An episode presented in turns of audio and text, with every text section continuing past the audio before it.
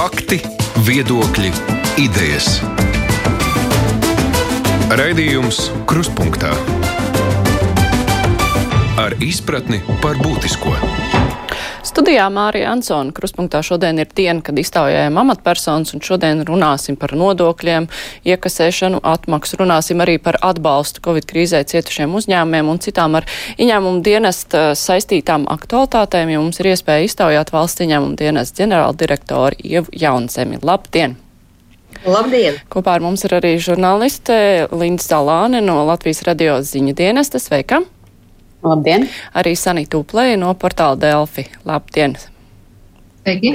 Klausītāji savas vēstules var rakstīt, eh, var arī mēģināt zvanīt, tomēr, eh, kā jau Covid laikā, nevaru garantēt, ka būs iespēja pacelt, bet tādā izdevīgā brīdī, nu, varbūt es mēģināšu arī pacelt klausulu, bet, nu, vairāk tomēr orientējamies uz rakstīšanu.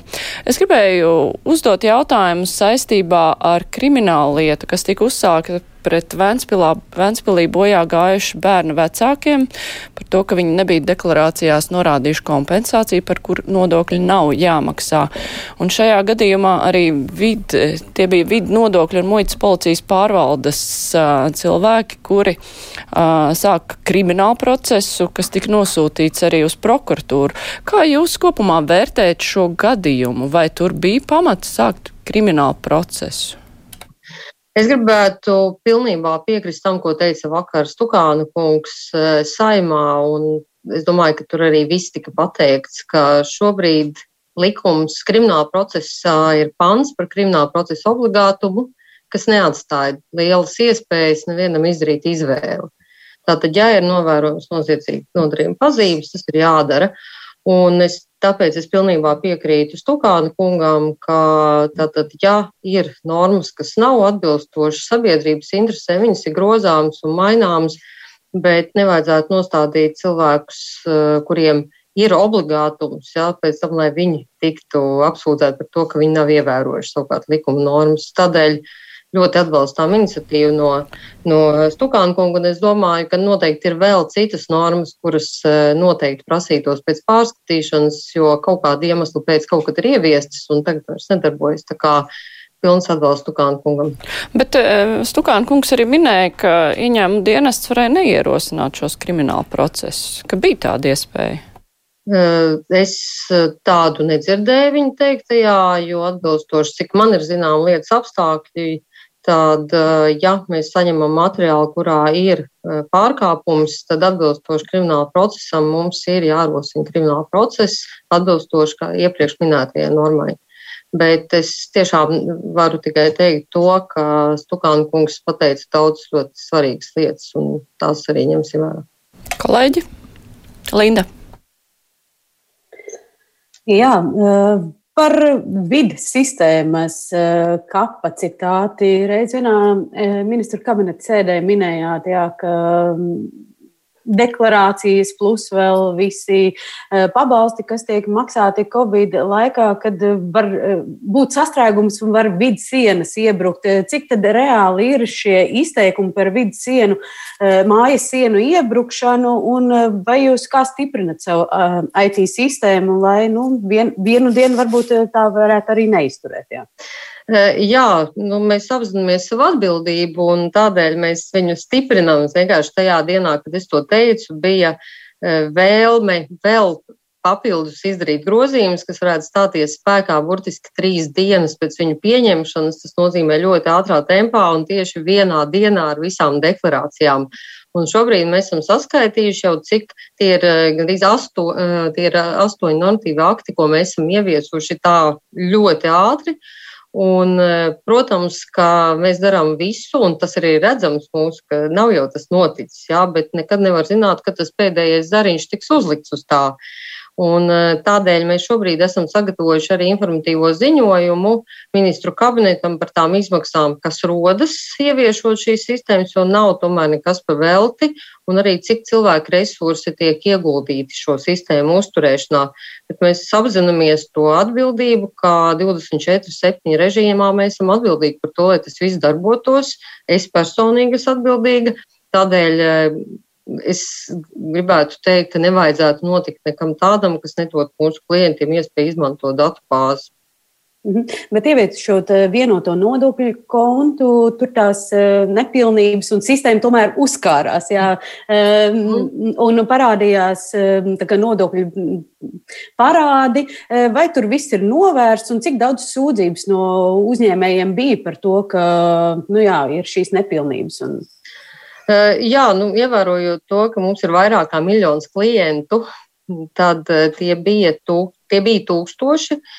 Bet tur bija ļoti dažādi gadījumi, es esmu ļoti pateicīga sadarbībai ar nevalstisko sektoru, īpaši grāmatvežiem, kuri mums palīdzēja, jo skaidrs ir viens, ja ir vairāk kā miljons klientu, tad šādas lietas var notikt, un lielākā, kā arī teica grāmatvežu pārstāvis, tik ļoti satuvinājies vids ar grāmatvežiem vēl nav nekad, un tas ir ļoti labi, un es domāju, tas ir uz palikšanu. Uh, Un tas, ko mēs savstarpēji galvenais bija informēt, jo tiešām, kā es reizēm saku, sajūta, ka sistēma dzīvo savu dzīvi.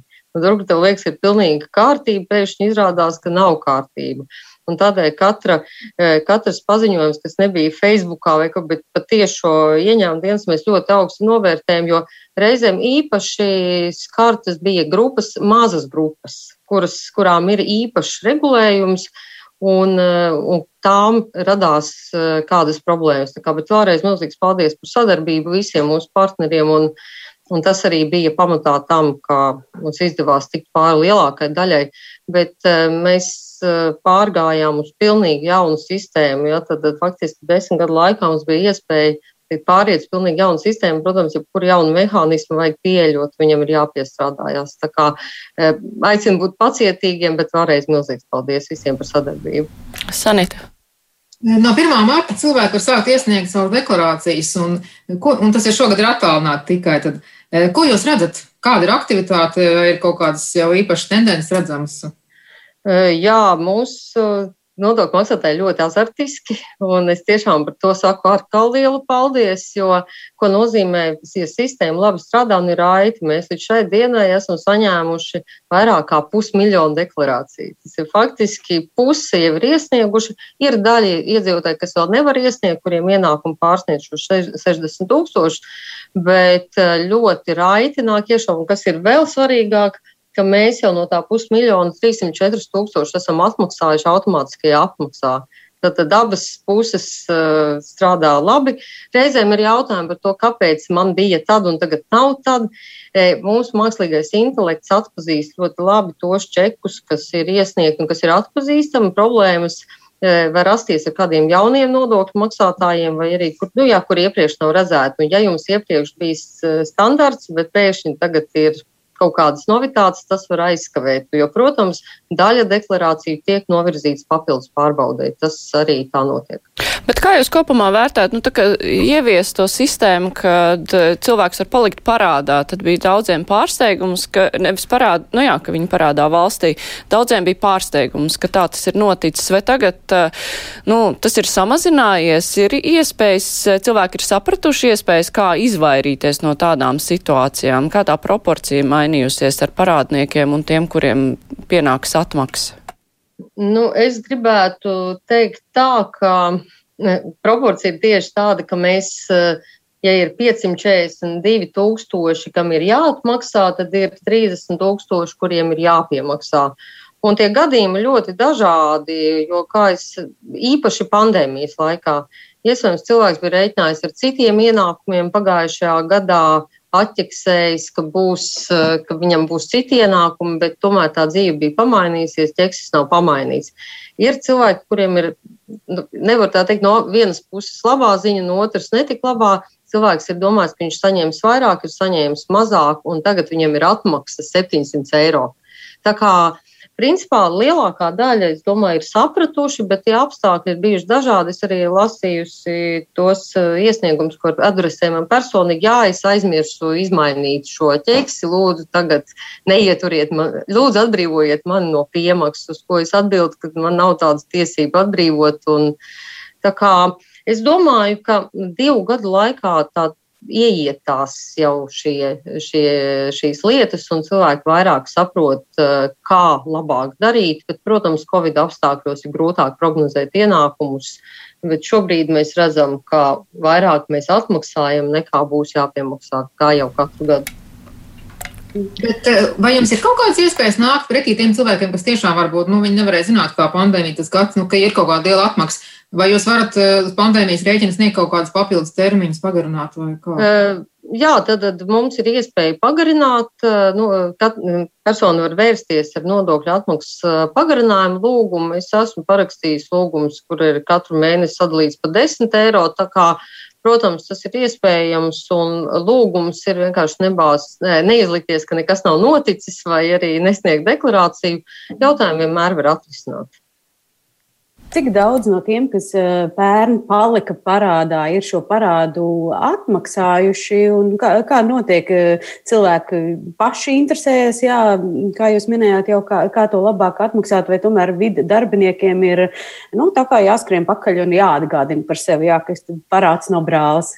Jā, ir jāatgādina. Ir, cilvēki, ir dažādas pieejas un dažādi risinājumi. Protams, ja cilvēkam ir konts, tad tas risinājums visdrīzāk ir diezgan vienkārši. Ir izpildu raksts uz kontu. Un es nepateikšu, cik precīzi šobrīd ir, ir tās personas, kas vēl ir parādā bet, eh, bet risinājums tādos gadījumos ir eh, norakstīšana no konta. Un tad eh, reizēm ir tas, ka man pēkšņi atnāca izpildraksts, un tas pēkšņi nekad nenonāk, jo tas izpildraksts tiek gatavots pietiekami ilgi, un cilvēkam tiek atgādināts, piemēram, šobrīd mēs.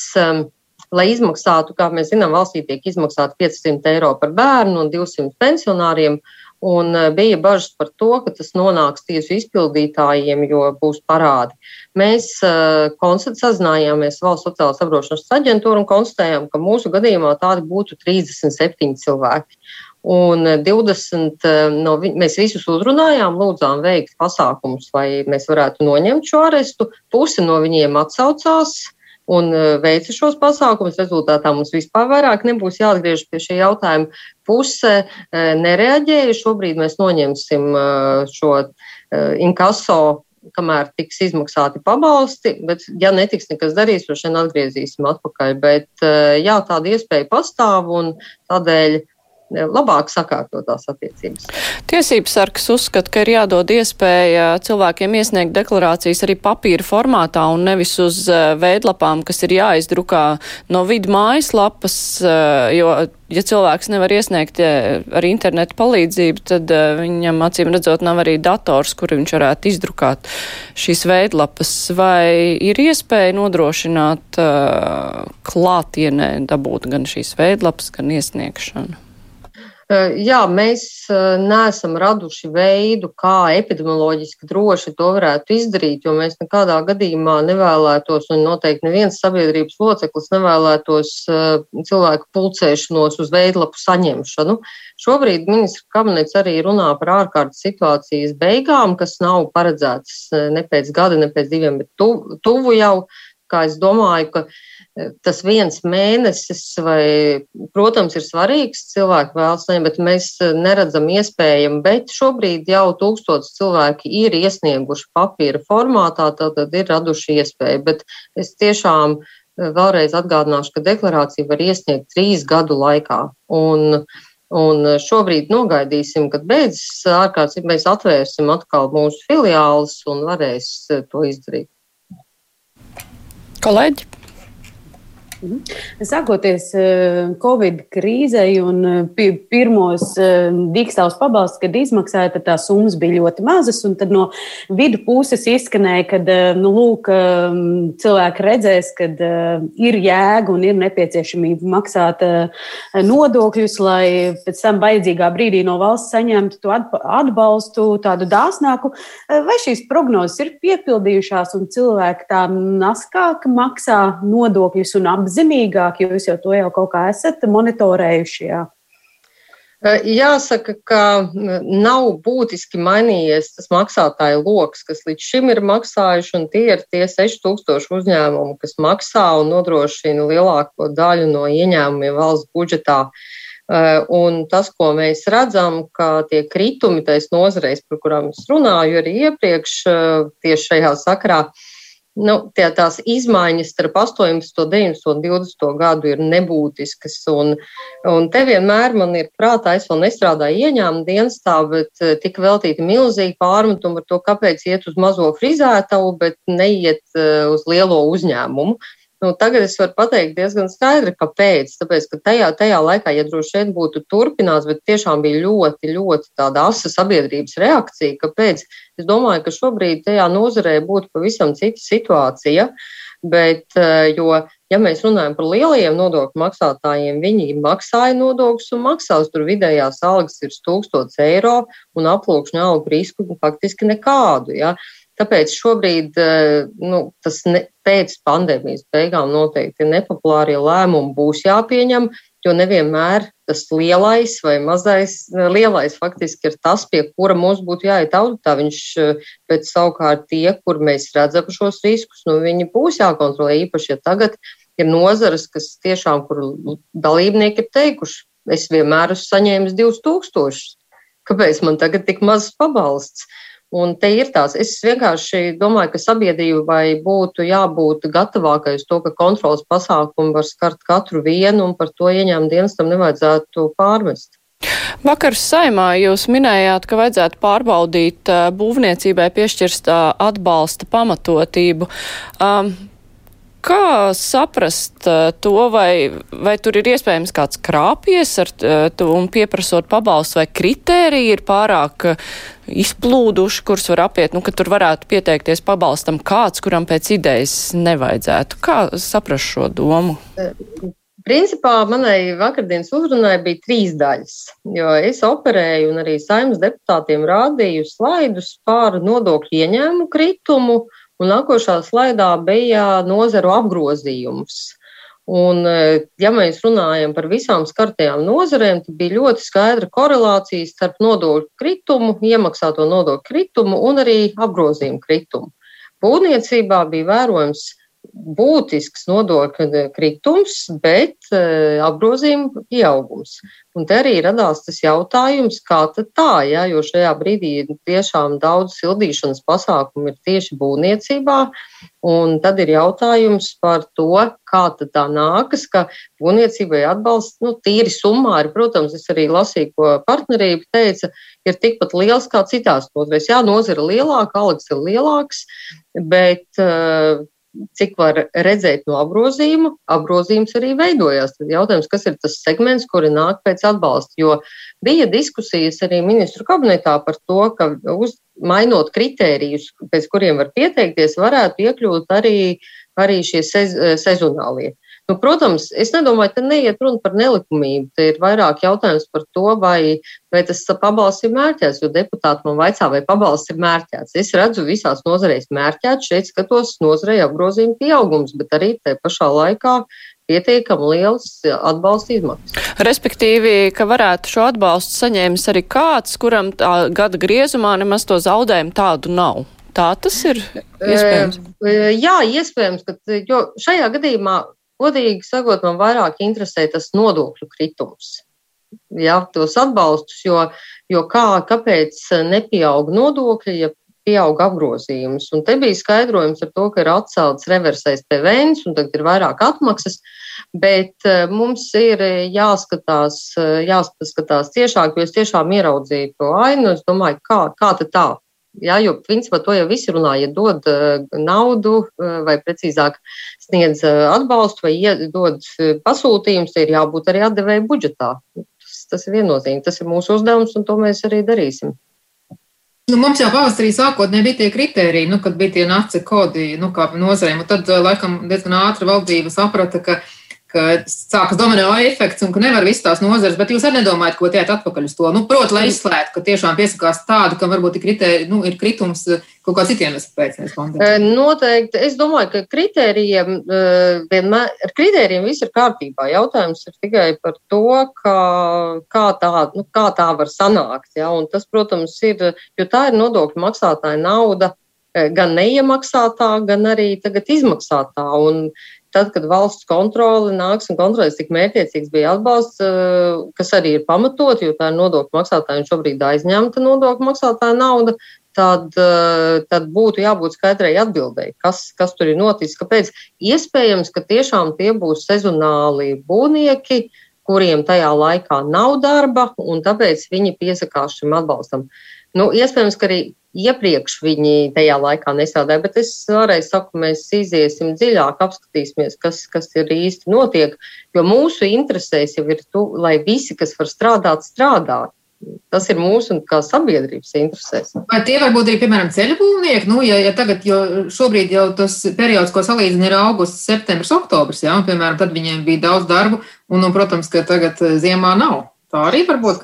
Ceļu būvniekus mēs tikai apskatījām. Tur nebija lielas summas. Tur tiešām, kā vakardien arī partnerība teica, iespējams ir kaut kādi mikro mazie uzņēmumi, bet uh, tie grantu summas vienalga, sanāk diezgan lielas. Ja. Tā kā tur var būt dažādas situācijas, galvenais, lai tiešām tas nav.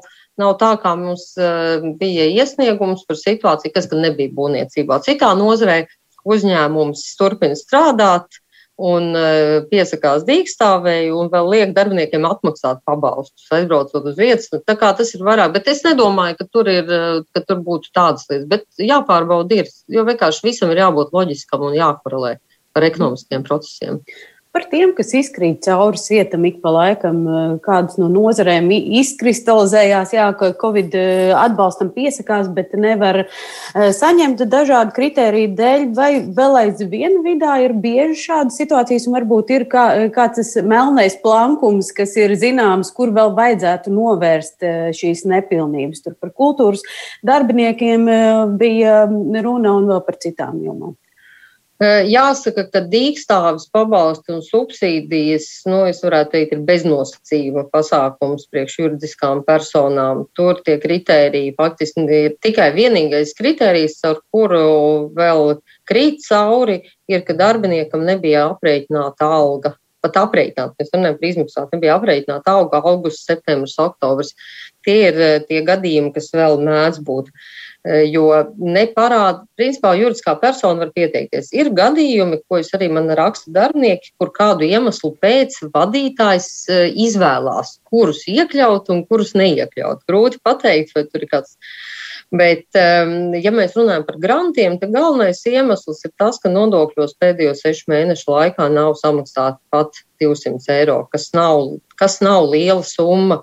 Un eh, jautājums ir tiešām, vai Nu, un arī tad, ja mēs arī skatāmies, ja dotu iespēju viņiem pieteikties, tad viņiem algas bijušas tik mazas, ka tāpat tas pabalsts, grants, ko viņi saņemtu, būtu vai nu nekāds, vai ļoti, ļoti mazs. Tāpēc eh, tie, kuri ir maksājuši, tie saimnieki granti ir ļoti dažādi. Ir eh, tiešām tādi, kur ir 800 eiro, ir tie paši 100 tūkstoši. Tas tiešām ļoti korelē ar to, cik ir maksātas algas nodokļi aprēķināti. Jā, tas ir ļoti svarīgi. Klausītāji vaicā, vai 500 eiro bērnu pabalsts nevarēja valsts ieņēmuma dienests koordinēt caur ienākumu filtru, jo ko daudz nozīmē 10 tūkstoši algas saņēmēja bērnam tie 500 eiro un ko nozīmē nabadzīgas ģimenes bērnam tāpat summa. E, valsts ieņēmuma dienas tehniski var nu, filtrēt e, ļoti daudz ko. Jautājums, kāds ir lēmums? Tas bija lēmums, e, ko pieņēma ministru kabinets un apstiprināja saima. Un Tā kā tas nebūtu gluži ieņēmuma dienas kompetencē. Ne, bet tīri tehniski ir iespējams to izdarīt. Tehniski var ļoti daudz ko izdarīt. Jautājums, ja ir lēmums, var tehniski izdomāt, kā to darīt. Jā. Bet kāds no valdības grib konsultējās ar to, par to? E, e, protams, ka par to notika konsultācijas, un, bet kā es arī teicu, tas bija politisks lēmums par to. Tad katrā gadījumā tas nebija saistīts ar eh, vidas spēju vai nespēju kaut ko izdarīt. Sanīt. Tiem pabalstiem gribēju jautāt. Jūs vakardien komisijā, nu tad tajā jūsu prezentācijā bija tas, ka tās summas, teiksim, nu līdz decembrim tā tad bija. Uh, nu, tie tuvu pie 300 eiro nu, pārsvarā, un, un tagad ir 500. Vārds sakot, sanāk tā, ka cilvēki saņem vairāk to minimālo uh, summu, bet nevis tāpēc, ka viņi maksā vairāk nodokļus, bet tāpēc vienkārši, ka mainījās, eh, nu, kā saka, valdības kritērija. Tā sanāk, ja. Jā, tieši tā, tieši tā, jo ja mēs analizējam, kas, kas ir šie maksātāji, kas saņem, nu, liela daļa no viņiem ir maksājuši no 430 eiro, un vēl viena daļa ir arī maksājusi no 250 eiro. Tad paceļot minimālo slieksni, pien, atnāk arī, pien, pieaug arī šī izmaksātā summa. Tāpēc viņas ir tik ļoti tuvas tiem griestiem katru reizi, jo reālās, reāli deklarēti ienākumi ir bijuši mazāki. Vienmēr. Es atgādināšu klausītājiem un Latvijas televīzijas skatītājiem, ka šodien kopā ar mums ir valsts ciņām dienesta ģenerāldirektora Ieva Jaunzem, arī žurnālisti Sanita Uplē no portāla Delfi un Linda Zalāna no Latvijas radio. Raidījums Krustpunktā. Mums ir eh, vairāk jautājumu no klausītājiem saistībā ar jūsu attiecībām ar finanšu ministru vai finanšu ministriju, kā nu kurš ir formulējis. Es te mēģināju apkopot kopā šos jautājumus. Tas ir saistīts ar dienestu izmeklēšanu, ieņēmumu dienestā, kam sekoja rājiens no finanšu ministrijas, par ko jūs vērsāties tiesā, pēc tam administratīvā tiesa par to šonadēļ lems. Klausītāji grib saprast, vai tad jūs vērsāties tajā policijā vai nevērsāties pret finanšu ministru, kā īsti bija? Jā, es gribētu teikt, ka šie divi gadi, protams, ir bijuši interesanti manā dzīvē visādā ziņā, jo divu gadu laikā ir, pirmkārt, kā jūs arī mēs tikko runājām, ir ieviests jaunas IT sistēmas, ir izdarīts, ir ieviesti izmaksāti pabalsti, Un e, te pašā laikā ir visu laiku, vis, e, faktiski visu laiku šo divu gadu laikā ir tāda, tāda, tāda sajūta, ka katru dienu nāk nāk kāds, kāds jauns sitiens. Es īsti nezinu, par ko man grūti to pateikt. Un, uh, Tāpēc es varu pateikt tikai to, ka man nekādā ziņā neiepriecina šī situācija. Darbs ir darbs, viņš ir jāpadara, man, bet mans, mana reputācija ir svarīga. Kā rezultātā es, protams, viņu aizstāvēšu visiem veidiem, kāds likumā man ir dots. E, man ir 12 e, stundu darba diena, ar šo es nodarbojos teiksim, tā, no, no darba brīvajā laikā. Es uzskatu, ka tas nav ne labi, ne pareizi, bet uh, katram ir savas darba metodas. Es savus darbiniekus regulāri uzslavēju, dodu viņiem enerģiju, lai būtu spēks darīt tālāk. Katram ir savas vadības metodas. Es domāju, ka man jāstrādā tālāk. Es to arī darīšu, un izaicinājumu ir daudz, kā jūs redzat, no manīm ir aiz manīm 4000 cilvēku, un man ir jāspēj būt vaidīgai un savāktai katru dienu. Un, ja mēs runājam par tiesu, tad Jā, es, eh, šī ir tiesiska valsts, eh, kāds pieņem lēmumus eh, savā ieskatā, citi nepiekrīt. Manā darbā tā ir ikdiena, ka valsts ieņēmuma dienas lēmumi tiek apstrīdēti. Šajā gadījumā man ir savs viedoklis attiecībā par notikušo un par piemēroto rājienu, jo, ja mēs skatītos no šodienas redzes punkta, ļoti dīvaini būtu kādu sodīt par to, ka viņš ir rīkojis attālinātu sēdi, piemēram par ko ir šis gadījums. Un tādēļ es domāju, ka tiesa, un es ne, ne tiesas kompetencē, tiesa lems, kādas ir, vai, vai tā varēja darīt, vai tā nevarēja. Bet es kategoriski gribu noraidīt to, ka tā lieta būtu saistīta ar korumpētas amatpersonas piesakšanu. Nē, tā nav bijis. Un uh, sliktā ziņa ir tā, ka man nav nekādas iespējas publiski aizstāvēt savu, savu taisnību, jo vēl joprojām visi šie dokumenti ir ierobežotas pieejamības, gan rīkojums, gan atzinums rezultātā. Es pat jums publiski nevaru izstāstīt eh, par to, kas tur ir bijis un kādi bija šie apstākļi, bet vēlreiz varu pateikt, ka tas nav par korumpētas amatpersonas aizstāvību. Bet jūs vērsāties policijā? Eh, es aizstāvēju savus intereses pret to, kas, eh, kas bija eh, publiski izpausts pretēji tam, kas ir rakstīts uz visiem dokumentiem. Tātad, ja uz dokumentiem ir rakstīts ierobežots pieejamības dokuments, tad es to uztveru tieši tā, kā es tikko jums arī teicu. Tātad es uzskatu, ka visiem ir jāievēro likums, un ja likums, ja atbilstoši likumam ir uzlikts šāda veida uzraksts, jā, ierobežots pieejamības, tad tas ir izpaužams tikai likumā noteiktajā kārtībā. Un katram par saviem vārdiem ir jāatbild. Es atbildu par saviem vārdiem. Un citām amatpersonām jāatbild par saviem vārdiem. Bet vai jūs vērsāties policijā pret finanšu ministru, lūdzot uh, sākt kriminālu procesu? Es aizstāvēju savas tiesības likumā paredzētajā kārtībā. Un tā ir? Tieši tā. Tāda Tā, arī ir tā ir jā. iesniegums policijā. Es domāju, ka šajā brīdī par to nebūtu korekti runāt, jo tas izskatos pēc procesa ietekmēšanas. Bet pol, nu, jā, policija esot atteikusies ierosināt. eh, Bet, nu, labi. Es domāju, ka šajā lietā ir daudz pa- puspatiesību un nedateiktas lietas. Es, kā, bet es domāju, lai process iet savu gaitu.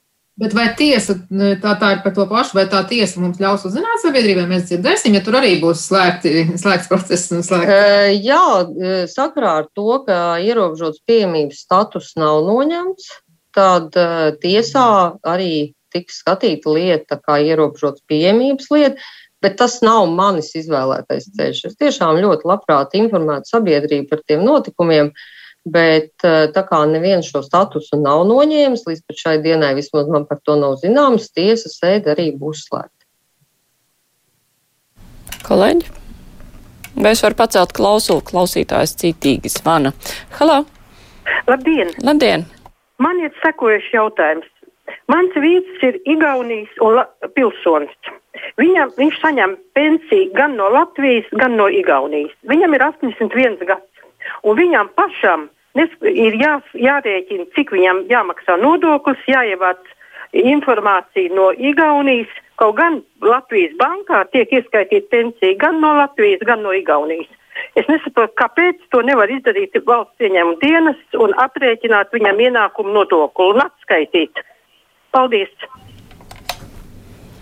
Uh, Jā, runājot par, uh, manuprāt, gan šogad ir notikušas izmaiņas uh, šajā sakarā, bet uh, vēl joprojām attiecībā uz nodokļiem katra Eiropas Savienības valsts ir uh, suverēna valsts, un viņai ir katram savas nodokļu sistēmas. Un tādēļ, protams, mēs varam izprasīt no, nodokļiem, no nodokļu administrācijām, bet katrs iedzīvotājs ir atbildīgs par savu nodokļu nomaksu tajā teritorijā, kur viņš ir saņēmis ienākumus, un arī viņus deklarēt. Uh, iespējams, ka kādreiz mēs nonāksim pie vienotās Eiropas Savienības telpas, bet pagaidām tas tā nav. Tāpēc vēlreiz gribētu atgādināt, ka katrs ir atbildīgs par savu nodokļu nomaksu tajā valstī, kur ir gūti ienākumi. Kolēģi?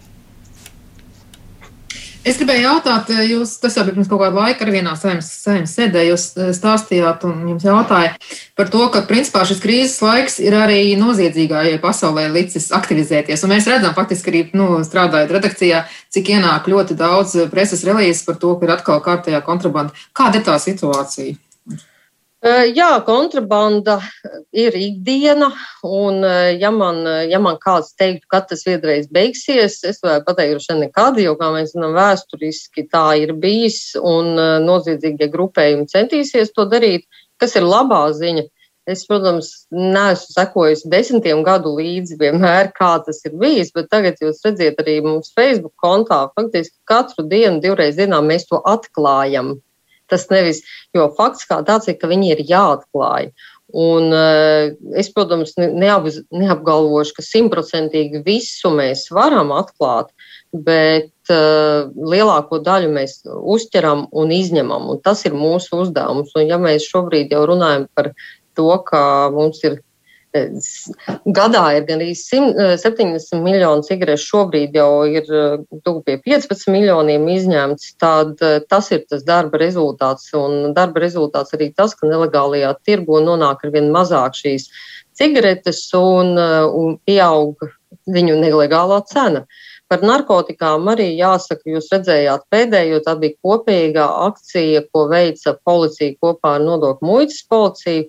4,5 kg tas ir milzīgs daudzums. Jā. Skaidrs, ka noziedzīgai pasaulē ir jāmeklē ceļi, viņi meklēs, un eh, kas apgrūtina viņu dzīvi, protams, slēgtās robežas trešajām valstīm. Tad, tad daudz būtiskāk ir kontrole, tikai faktiski smago mašīnu šoferi var būt iesaistīti. Un tas, ko mēs darām, mēs uzskatām, ka mūsu uzdevums ir maksimāli daudz nepieļaut iekļūšanai e, šajā ties, e, mūsu apritē. Tas ir mūsu uzdevums. Un pie tā mēs arī strādājam. Un, un jāsaka, tā gana veiksmīgi pēc Pats- tirgus datiem. Pacelšu klausulu. Halā! Labdien! Labdien! Man ir tāds jautājums. 2017. gadā man parādījās tā pārmaksa. Un pat tas ir pārmaksa ir par 2016. gadu parasti, ja? 2017. gadā parādās. Uh, es šo pārmaksu neesmu saņēmusi, jo 2017. gadā es aizgāju pensijā. Tā varētu būt. Es tiešām domāju, ka kun, kundzei varētu ieteikt, ka vienu sazināties ar valsts ieņēmumu dienas, kaut gan tagad jau ir 2021. gads un, un 17. gads jau ir. Bet katrā gadījumā ir iespēja sazināties ar mūsu konsultantiem un noskaidrot, kas ir noticis, cik ilgi mēs deponējam un glabājam šāda veida pārmaksas. Jo, kā es arī tikko arī teicu, mēs atmaksājam ātri un cilvēkam no, uz norādīto kontu. Tā kā tam nebūtu sakara ar pensiju nekādu. Mm -hmm. Klausītājs, lūdzu jūs komentāru par revolūtu un tam līdzīgām kartēm, kuras ir kā apiet valsts ziņām dienestu sistēmas.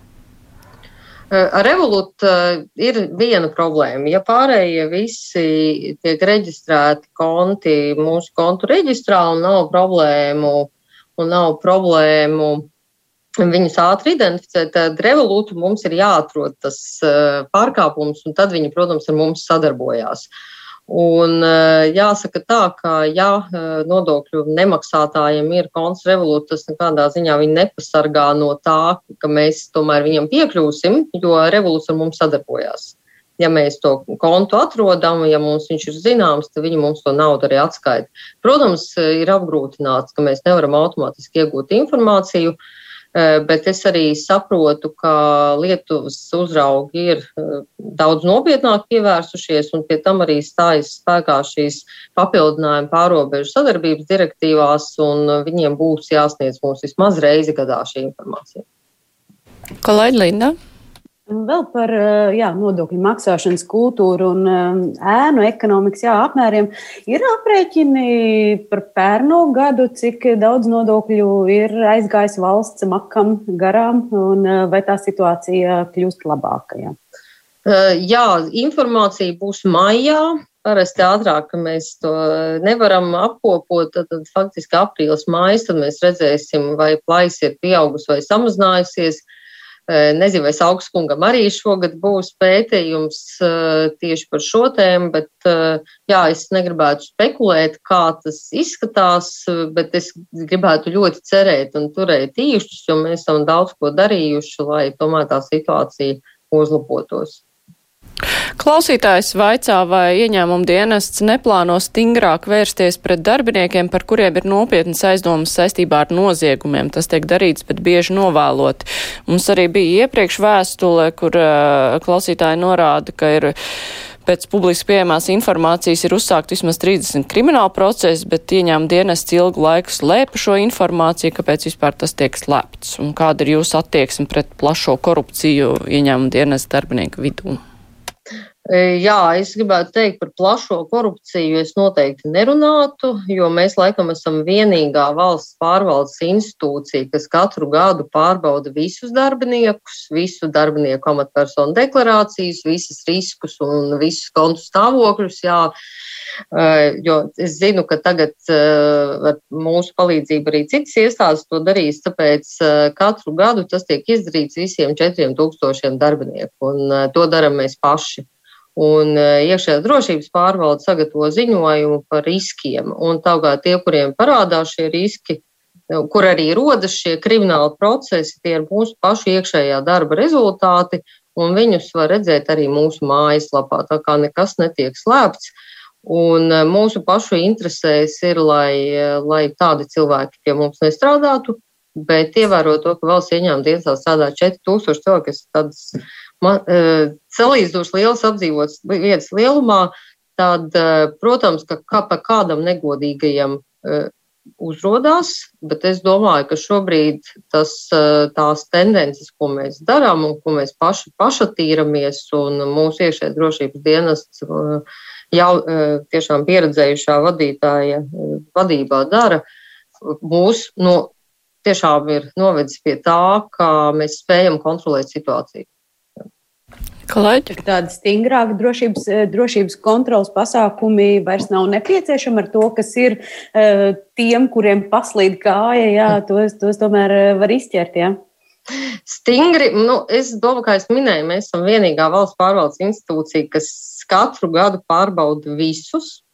Un, ja tur uzrodas laimesti, nu, mājas, dzīvokļi, tas, par ko agrāk daudz runāja, vai vēl citas lietas, tātad to mēs uzzinām paši pirmie, un mēs arī vēršamies pret to. Un kontrolas pasākumi, protams, mēs redzam, kur iespējams ir šaurās vietas, un to mēs arī konstatējam, kur var rasties tādas vietas, par ko var uh, notikt korupcija, ir kādas administratīvās procedūras, kuras principā var, ir pilnīgi liekas. Un tad mēs nu, vienkārši no viņām atbrīvojamies. Mūsu viens no būtiskiem uzdevumiem, protams, ir tas, kas saistīts ar, un tur mēs esam uzrunājuši autopārvadātājs, ir tā saucamā tā piecīšu un divīšu kultūra. Un, eh, un tā ir iegājusies, un uz robežas arī mašīnas šoferis uzskata par nepieciešamu norēķināties, nezinu par ko.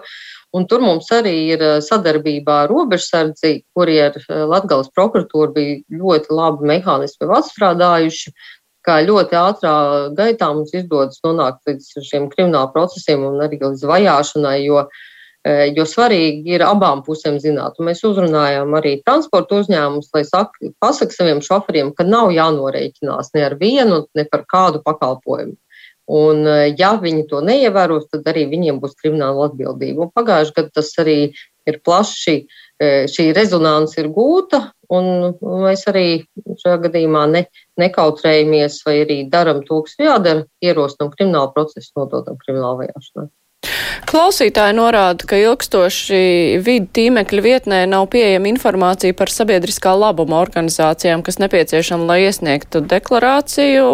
Ja grib saņemt par ziedojumiem eh, nodokļu atmaksu, viņi norāda, ka tā ir nekorekta attieksme deklarācijai, ir termiņa sankcijas, bet pienācīgi to aizpildīt nav iespējams, ja vien neatsakās no likumā paredzētā nodokļu atmaksas daļu pa ziedoto. Es eh, tiešām tā man ir pirmā dzirdēšana, es pārbaudīšu. Es pat arī esmu meklējusi un redzējusi, jā, ka nevar dabūt. Es gan nezinu, cik ilgstoši, bet tur bija problēma. Jā. jā. Mhm. Kolēģi? Mm.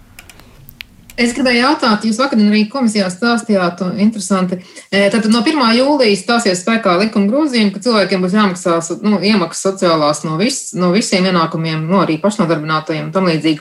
Un tad bija tas jautājums par to daļējo laiku, ko strādā. Un jūs stāstījāt ļoti interesanti, vai jūs varat arī radioklausītājiem pastāstīt par to, kā jūs gatavojaties un kā jūs to visu pārbaudīsiet. E, jā, tā tad uh, ir Amerikas kolēģiem ir metode, kas, kā atdalīt eh, reālos daļlaiks darbiniekus no ne, nereālajiem, kā teikt, jo ir skaidrs, ka jaunās māmiņas, studenti, pensionāri, kas strādā daļlaiku, bet uh, ir profesijas, kurās noteikti celtnieks nestrādā četras stundas visbiežāk. Nu, lūk, un eh, tad mūsu, mūsu šī analītiskā kapacitāte dot iespēju no visiem darba devēja ziņojumiem sagrupēt, kuri tad ir tie īstie un kuri ir neīstie. Uh, un e, pateikt, ka, ziniet, bet e, jūsu uzņēmumā tomēr ir nedeklarētās darba stundas. Un, e, un, nu jā, tas, ir, tas ir tas, ko mēs grasamies darīt, aprobēt šo metodi.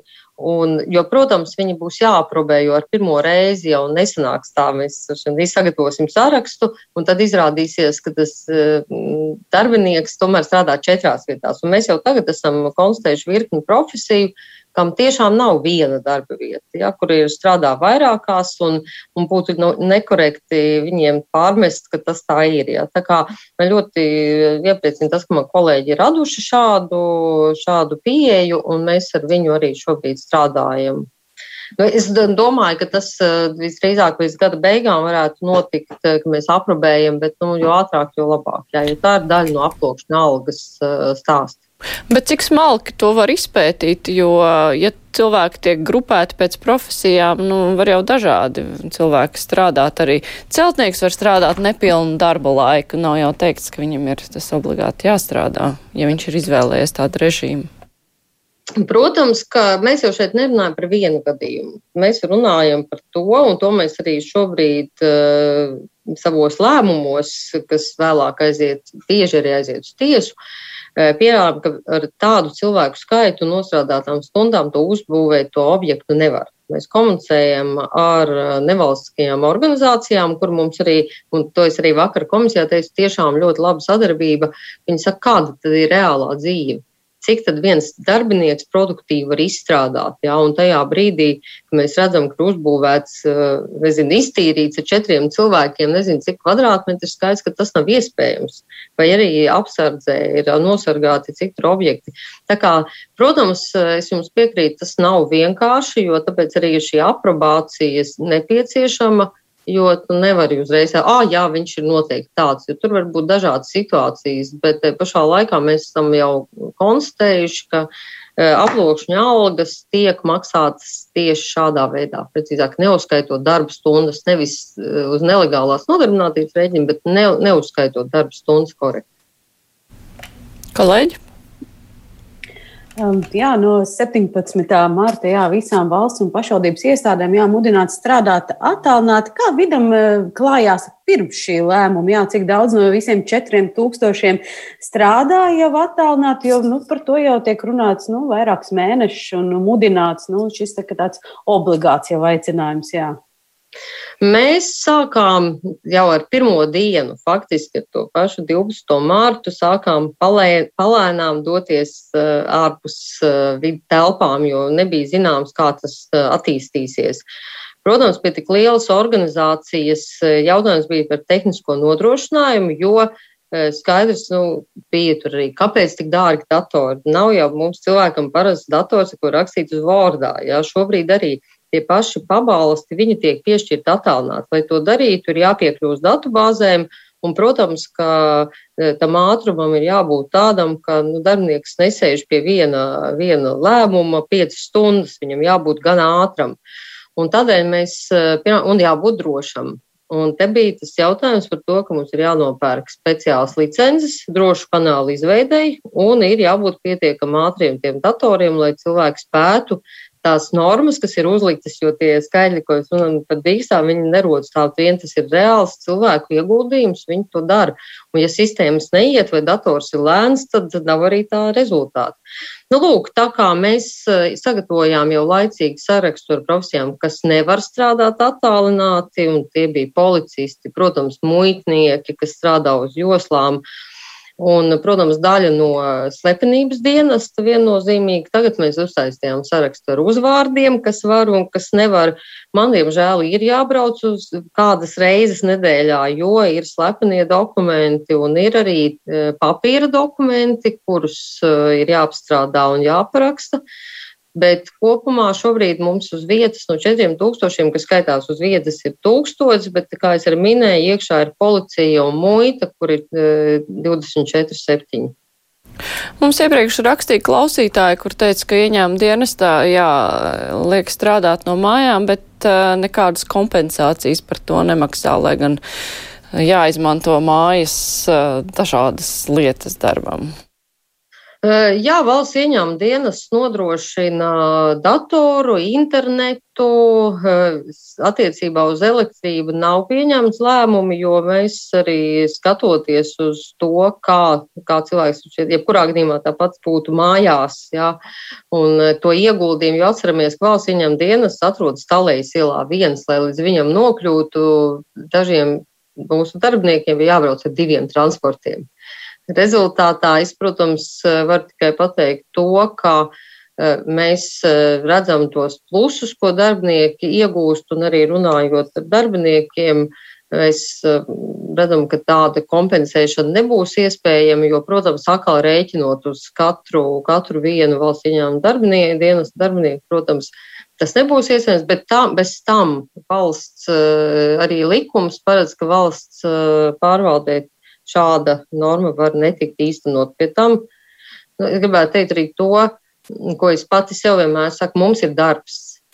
Mums ir reizēm daudz, ļoti daudz darba, bet mums ir darbs, un tas ir ļoti labi. Un es domāju, ka mums ir jāspēj to novērtēt pretstatā tām nozarēm, kurām šobrīd klājās grūti, ka valsts pārvalde ir privileģēta, jo viņai ir darbs.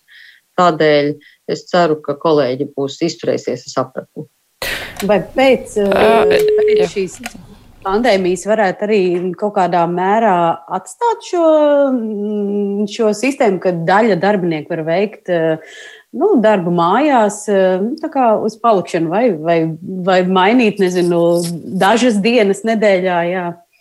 Viennozīmīgi. Mēs jau tagad runājam par aktivitāti, nevis runājam, mēs jau darām. Un atsevišķas pārvaldes jau ir jau ļoti, tū, ļoti daudz ko izdarījuši un jau tagad strādā režīmā, ka mums nav katram sava darba vieta, ka, ka, var, ka var strādāt pēc rotācijas principa. Mēs gribētu tos resursus, kas atbrīvojās no telpām, novirzīt darbinieku gan algām, gan arī uh, apstākļu uzlabošanai. Viennozīmīgi es varu pateikt, ka atgriešanās pie simtprocentīgas strādāšanas uz vietas nav sagaidāma, un tas ir tikai pareizi. Pacaušu klausulu ātri. Nē, klausītājs ļoti citīgi mēģināja sazvanīt, un tā arī neizdevās. Klausītājs cits vaicā, cita klausītāja vaicā, kā būs jādeklarē saņemtais pabalsts 500 eiro apmērā. E, es šodien par to padomāju. Man šķita, man šķita, jā, vismaz manā gadījumā es redzu, ka automātiski visas izmaksas no valsts sociālās apdrošināšanas aģentūras ielasās deklarācijā. Es nedomāju, ka aģentūra liks šo kādā citā plauktiņā. Kā jebkuras izmaksas, ko veids valsts sociālās apdrošināšanas aģentūra, jau tagad automātiski ielasās mūsu deklarācijās. Mm -hmm. Un uh, vēl pavisam īsts jautājums, kāpēc vidi bija pret gada pārskatu iesniegšanas pagarināšana laikā, kad valdība norīkoja darbu no mājām nācijas mērogā? Vids nekad nav bijis pret pagarinājumiem, pret deklarāciju pagarināšanu. Mēs, uh, gada pārskatu. Jā, gada pārskatu iesniegšana, tas bija gājiens ar valsts ieņēmumu dienestu. Mēs saskaņojām, tā kā es nezinu, tā būs kāda maldinoša informācija. Noteikti mūsu gadījumā mēs ar izpratni attiecāmies pret to, ka cilvēkiem nav iespējams tajā brīdī iesniegt, jo ir pandēmija, bija nu, ārkārtas apstākļi, tā kā mēs nekad neesam bijuši pret. Mm -hmm. Jā, nu mums diemžēl nav laika vairs izvērst uh, citus tematus. Te klausītājs ir izrēķinājis, ka, ja maksātu attālināt strādājošiem vidu darbiniekiem kompensāciju atļautā apmērā, kas ir 30 eiro mēnesī, šķiet, ka to gribēja palielināt, tad vidu vajadzētu mēnesī kopā 120 tūkstošus eiro. Tās sanāk pareizi sarēķināts. Uh, nu, es vienkārši gribēju teikt to, ka 120, lai vai cik tur tie tūkstoši, tā ir pietiekami liela nauda, un tā būtu no kaut kurienes arī jāņem, jā, visdrīzāk, vai tad no atlīdzības fonda, uh, jo, jo nav jau cita, citu resursu jau mums nav. Tas nozīmē, ka, ka būtu tie resursi iekšēji jāatrod, jo papildus neviens to nedotu Jo, kā jau minēju, likums paredz, ka valsts pārvaldē tas nav jādara obligāti. Mm. Jā, nu, es teikšu arī paldies valsts ieņēmuma dienestu vadītājai Ievai Jaunzemei, tāpat arī manām kolēģiem Sanitai Uplē no portāla Delf un Lindai Zalānē no Latvijas radioziņu dienesta. Paldies jums, ka varējāt piedalīties. Raidījums ar to arī izskan producente Evī Junām, studijā bija Esmāra Jansona. Vislabāk!